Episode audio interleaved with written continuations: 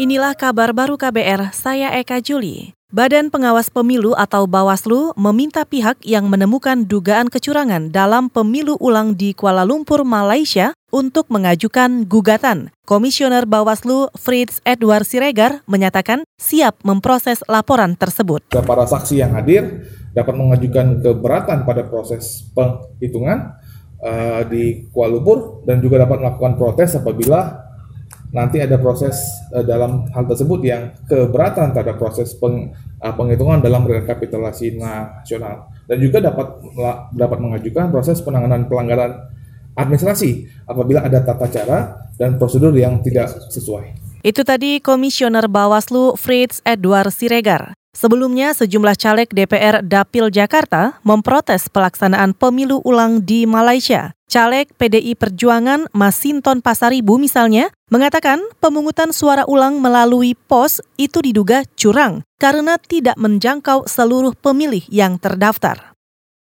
Masih soal pemilu, Menteri Koordinator Politik, Hukum, dan Keamanan Wiranto meminta kepala daerah dan aparat hukum mencegah pergerakan masyarakat ke Jakarta ketika pengumuman pemenang pemilu pada 22 Mei mendatang. Wiranto mengatakan hal itu untuk mencegah risiko konflik sosial. Pusat daerah bersinergi ya, supaya mencegah adanya indikasi atau kecenderungan atau risiko konflik sosial dengan cara mencegah mereka atau selesaikan mereka di masing-masing tempat dulu.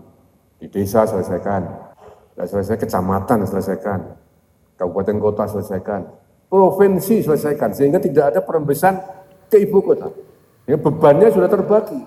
Jelaskan ke masyarakat, nggak perlu ke sana. Menko Polhukam Wiranto menemukan indikasi adanya konflik sosial menjelang pengumuman hasil pemilu. Kata dia, kepala daerah dan aparat bisa membendung pergerakan masyarakat dengan memberikan pemahaman tentang tahapan pemilu.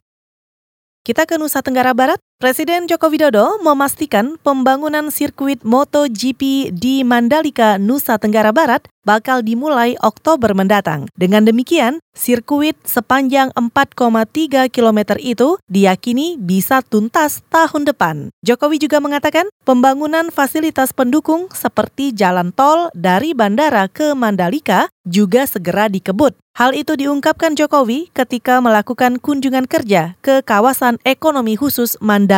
Kita juga ingin segera fasilitas yang berkaitan dengan MotoGP 2021 itu juga segera dikerjakan. Airport sudah, jalan sudah, penetapan lokasi sudah, penlocknya sudah.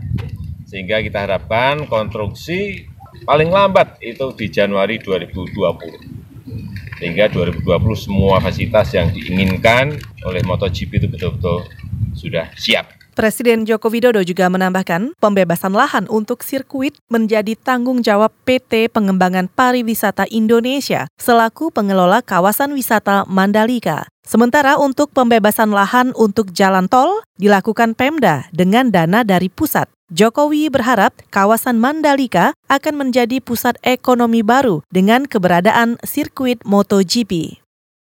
Bank Indonesia menargetkan penerbitan surat berharga komersil atau SBK tahun ini. SBK merupakan instrumen pendanaan yang diterbitkan korporasi non-bank. Direktur Departemen Pendalaman Pasar Keuangan Bank Indonesia, Yoga Avandi mengatakan, ada sekitar 90 perusahaan yang berminat mengajukan penerbitan SBK. Jadi kalau dari sisi kesiapan, sebetulnya kami di DPPK ini ada tim khusus yang yang uh, menganalisis tentang pasar uang rupiah, kemudian mereka yang akan memfasilitasi. Setelah itu juga akan ada kelompok yang menangani nanti mengenai misalnya perizinannya, pendaftaran seperti apa. Jadi dari sisi apa, infrastruktur di Bank Indonesia sendiri, kami akan sangat responsif. Dan mengenai targetnya itu sendiri, kami memang sudah ditargetkan maka dicanangkan oleh Dewan Gubernur untuk tahun ini harus ada SBK yang terbit. Direktur Departemen Pendalaman Pasar Keuangan Bank Indonesia Yoga Avandi menambahkan, SBK bisa menjadi alternatif pendanaan jangka pendek bagi investor maupun emiten. Kata dia, penerbitan SBK ini menjadi salah satu solusi untuk mendorong pertumbuhan pasar keuangan. Sebabnya, selama ini pembiayaan di Indonesia masih didominasi perbankan. Demikian kabar baru, saya Eka Juli.